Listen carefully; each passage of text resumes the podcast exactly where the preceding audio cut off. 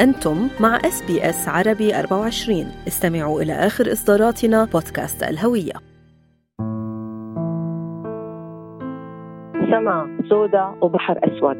وأنت حاسة تحتك يعني أنت على ريشة. الخامس عشر من أكتوبر تشرين الأول 2012 كان يوما فاصلا في حياة السيدة نيران طبيعي وعائلتها. ستختلف من بعده حياتها وتتبدل مصائر عائلتها إلى الأبد. يعني الله وصلنا على كف مثل ما بيقولوا ريشة يعني لأنه الزورق مع الهواء بياخذك وبيجيبك. فهو اليوم الذي قررت فيه أن تركب قاربا سيحملها مع زوجها وطفلتها إلى أستراليا بشكل غير قانوني. فالله بيحبني وصلني لأنه لما شفت القطع قطع الخشب اللي موجودة بالمي. يعني ما بتتصوري إنه الناس ماتوا وما عندهم أي أوراق تثبت مين هن. أنا هناء ياسين وهذه حلقة جديدة من بودكاست لحظة في العمر.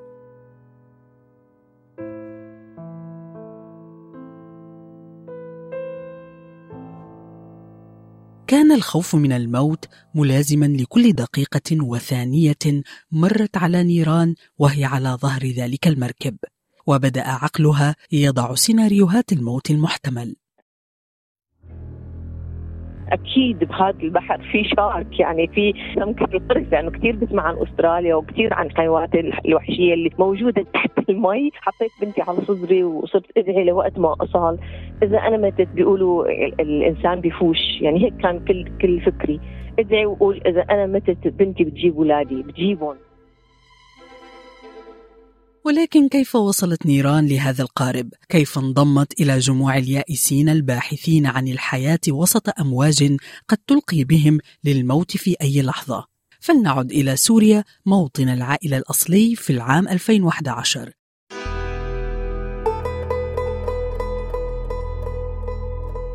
بدأت التفجيرات وبدأت يعني عم نشوف الدم ونشوف اللي الناس اللي بنحبهم عم يروحوا قدامنا. حسيت إنه خلص يعني بلدي بحبها بس بدي أمان لأولادي. فأنا عندي ثلاث شباب وبهذاك الوقت ابني الكبير 15 وبنتي الصغيره أربع سنين ونص. الحمد لله كان عندنا business ويعني عندنا سيارات وهي بس تركنا كل شيء وطلعنا. طلعنا لبنان ال camp ومن هنيك قررنا شو نعمل. معنا شوية مصاري وبعنا السيارة وطلعنا. من لبنان جالت العائلة دول المنطقة بحثا عن الأمان وانتهى بها المطاف في بالي الأندونيسية. أخذنا الموتور بايك ودرنا على كل السفارات إنه نلاقي أي حل نطلع فيه لأنه العيلة كلها بدي إياها كلياتنا نطلع على محل واحد ما بدي يجيبوا الأولاد بمحل وأنا بمحل. حتى الأمم المتحدة لم تستمع لاستغاثة العائلة فرائحة الموت في سوريا لم تكن بعد قد وصلت إلى أروقة المنظمة العالمية. قالوا لا ما في شيء بسوريا بال 2000 وآخر ال 11 ما في شيء بسوريا وأنتم اجيتوا من بلد لسه هادية ورجعوا يعني ما دمغونا ابدا جوازاتنا ما عندنا غير يومين. بس شلون بال United Nations صاروا يحكوا على إنه بيطلع على أستراليا الزورق من هنيك. بقى هنيك لقيت أنا الفكرة. اللي بي بياخذ الناس على الزورق كموجود هنيك بيشوف مين زعلان متضايق مين عم يتخانق مين يعني وبيحكوا كل اللغات. فالحكى معي عربي يعني شاف حجابي وقال لي بالعربي بدك على أستراليا؟ قلت له شلون بدي أروح قال زورق زورق باخذك لنص أستراليا. كانت الأموال المتاحة تسمح بدفع كلفة نقل ثلاثة أفراد فقط من العائلة. فاتخذت الأسرة القرار الذي حاولت نيران تجنبه بكل السبل. انقسمت العائلة وعاد الصبية الثلاث إلى إيران موطن والدهم الأصلي. المهرب أخذ الجوازات أخذ الأغراض اللي معنا الموبايلات كل شيء كل شيء. يعني ما يعني جردنا من كل كل هويتنا. مستحيل واحد يكون مثقف وعارف الدنيا ومجرب الدنيا ومسافر يروح على زورق المرض اللي بيصير بالزوارق وال يعني الموت اللي بيصير بالزوارق والحيوانات الموجودة. يعني واحد يفكر بفكر فيها لأنه دارس البحر. يعني بعرف شو في بالبحر. صعب يعني صعب إنه واحد يفكر. بس لإلي أنا ابدا ما ترددت شفت قدامي يعني أم أم بتحسس إنه وراها داعش وقدامها البحر. تسبح تروح لدنيا أحسن لأولادها. جوزي ما تقبل الفكرة أبدا. قلت له أنا رايحة. يعني لازم روح. ما بقدر أرجع. يعني البلاد اللي حأرجعها. يعني ما حقدر أكون بأمان مع أولادي. بقى قررت قررت إنه أنا أروح مع البنت وهو لا. نمنا الصبح قال لي خلاص بيجي معك. وبدأت نيران وزوجها وطفلتهما الصغيرة رحلة السفر بالقارب من أندونيسيا إلى أستراليا عبر أمواج المحيط الهادي. وبعد رحلة شاقة كان فيها القارب ومن عليه تحت رحمة أمواج المحيط وأسماكه وصل الجميع إلى جزيرة كريسماس آيلاند. لحظة تصفها نيران بأنها كالهروب من قبضة الموت إلى حضن الحياة مجددا. موت وحياة وصول زورق من موت لحياة من ماء لرامل شفتي الحياة بعينك جمال جمال البحر كريسمس آيلاند ما بقول لك أزرق. حسيت يعني ما بعرف الله بيحبني وصلني لأنه لما شفت القطع قطع الخشب اللي موجودة بالمي يعني ما بتتصوري إنه الناس ماتوا ما عندهم أي أوراق تثبت مين هن. كان الوصول إلى جزيرة كريسماس آيلاند بداية فصل جديد في حياة نيران وعائلتها. فتلك السيدة السورية التي تخلت عن كل ما تعرف في هذه الحياة قد وجدت نفسها أمام تحد لم تمر به من قبل. فبعد أن صارعت الموت لتصل إلى أستراليا كان عليها أن تصارع القوانين التي قيدتها كلاجئة غير شرعية لتبني كيانها من الصفر.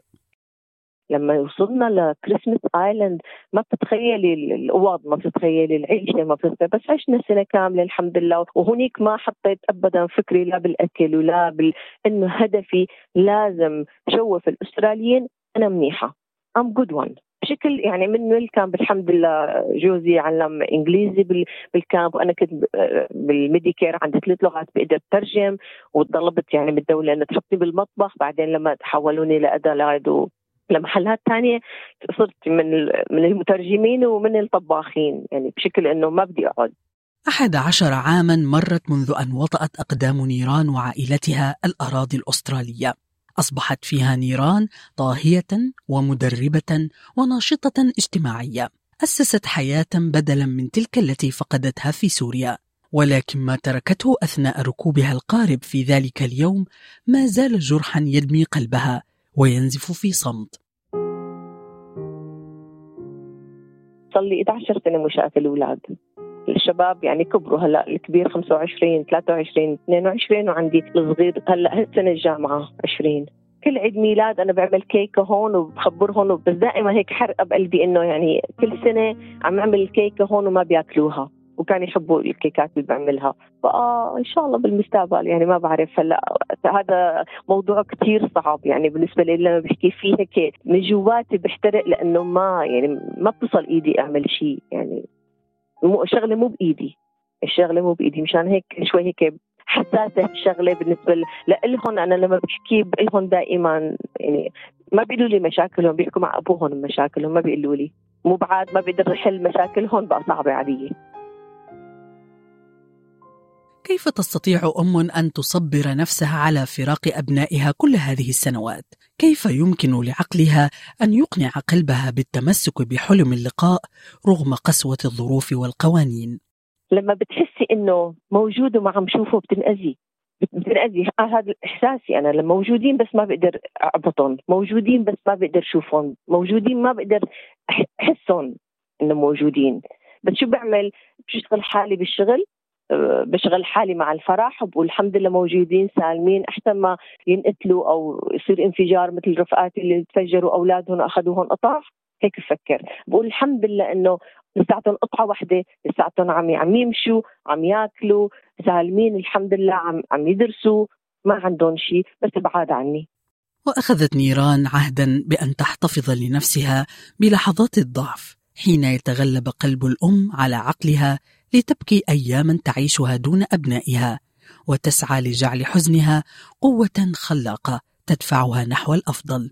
الناس اللي بيشوفوني بيشوفوا ابتسامتي بيشوفوا فرحتي معهم بيشوفوا الشغلات اللي التجارب اللي أنا عندي إياها بعلمهم بعلمهم شو عندي. لأنه شوف الحزن إذا بدي أقوله للناس ما حأدفعهم يعملوا شيء. الحزن بنحكيه لن لنأثر في الناس يعملوا شيء مفيد. أنا بالنسبة لي الحزن آه، دفعني لأنه أدرس. كل من يشوفني قديش بتضحكي قديش بتمزحي قديش ما شفناكي مكتئبة ابدا. قلت له الاكتئاب لإلي. إذا بدي أكتئب بروح بأوضتي بسكر الباب. حتى مع عائلتي لما بتضايق بسكر الباب وبقعد لحالي. ما بأذي حدا. يعني ما بدي حتى ينأذوا معي. واندفعت نيران بكل ما تملك من قوة نحو الدراسة والعمل والتطوع لتثبت نفسها في الأرض التي شعرت من الوهلة الأولى أنها الوطن الذي ستحيا فيه من جديد. ولا تحلم بشيء إلا أن ينضم إليها من تصفهم بوردات حياتها. بالنسبة لي أول ما حطيت رجلي على الرمل بكريسمس آيلاند وشفت العلم ما بعرف هيك قلبي لهف لهف يعني بحسيت هي أرضي. خلاص نيران هي أرضك. هلا ما عاد إنت صغيرة ولا عاد لا عاد تفكري بشيء ثاني من هنيك بديت. يعني بفكر لما بفكر حياتي بدت بال camp. ولما إجيت من ال camp لبرا لملبورن ما غيرت البلد. قلت خليني مثل شجرة زرعتها وبدي كبرها. بدي كبرها ويصير عندها اوراق هلا صار عندها اوراق ويا ريت يطلع الورد. يعني يجوا الأولاد و... والوردات تشوفهم وشمهم. يعني صعوبة الحياة إنه تكوني بعيدة عن شيء بتحبيه. وهدول الوردات حياتي. تجربة نيران تحمل في طياتها أحزان الملايين الذين شردتهم الحروب وعصفت بهم الصراعات التي وضعتهم بين خيارين. إما البقاء والموت البطيء في أوطانهم الممزقة أو ركوب الموج نحو المجهول والذي قد يحمل الأمل. قرار له تداعيات نفسية عميقة يقول عنها المستشار الأول في الأمراض النفسية الدكتور سمير إبراهيم أنها قد تظل في نفوس أصحابها لفترات طويلة. لما الإنسان بيواجه موقف صعب حياة أو موت بياخد قرار صعب حياة أو موت. الصدمة اللي عدت فيها هذه السيدة أثناء الحرب وبالتالي اضطرت إنها تاخد قرار هو أشبه بالانتحار يمكن ولكن كان استمرارها في المكان اللي هي فيه قد يكون الموت المحقق اللي جاي من مناطق الكوارث بعضهم بيمر بمرض معروف اللي اسمه post traumatic stress disorder اللي هو التوتر الفكري والمشاعري والعاطفي ما بعد الصدمة. ودي بتخليه يعيش وفي ذهنه الكارثة أو الأحداث الكارثية تتكرر في صورة أحلام بالليل تزعجه يوم بالليل يصرخ أو أثناء النهار كأنها فلاش باك يعني استعادة للحدث كأنه بيحصل تاني رغم أنه مر عليه سنوات طويلة لكن كأنه بيحصل تاني ويسبب حالة من الهلع والفزع اللي نسميها panic attack ويخلي الإنسان ده يتحاشى إنه يكون في موقف ممكن يفتكر. ده مرض من الأمراض النفسية المعروفة واللي فيها جزء كبير من الدراسات ومحتاج التعامل معاه على مستوى طبي ونفسي مكثف. في ذلك اليوم في الخامس عشر من أكتوبر تشرين الأول 2012 حمل الزورق المتهالك نيران طباعي وجزءا من عائلتها إلى أستراليا بشكل غير قانوني بحثا عن الأمل والأمان. فهل حققت يا ترى حلمها؟ أم وجدته سرابا؟ يعني صعوبة الحياة لما بتكوني أنت آه، ما عندك أي ورقة وعايشة سنين طويلة بتحسي ما في أمان. وهدفي إنه أصل لنقطة معينة. لهلأ ما وصلت للشيء اللي بدي إياه. يعني دائما بقول لهم بقول إذا من رقم عشرة يعني ساعدني أربعة وخمسة لساعتني ما وصلت للهدف اللي بدي إياه. هدفي إنه وصل أولادي لمرحلة إنه يرتقوا بحياتهم. أنا ما حسيتها لسه. يعني هي ما حسيتها لأنه أنا أنا لسه مو متكاملة هون. ما ارتقيت. مو بالفيزا. نفسيتي. أنا يعني بنيران. كنت معكم أنا هناء ياسين. ألقاكم في حلقة جديدة من بودكاست لحظة من العمر. اضغطوا على ال like أو على ال share أو اكتبوا تعليقاً. تابعوا SBS عربي 24 على الفيسبوك.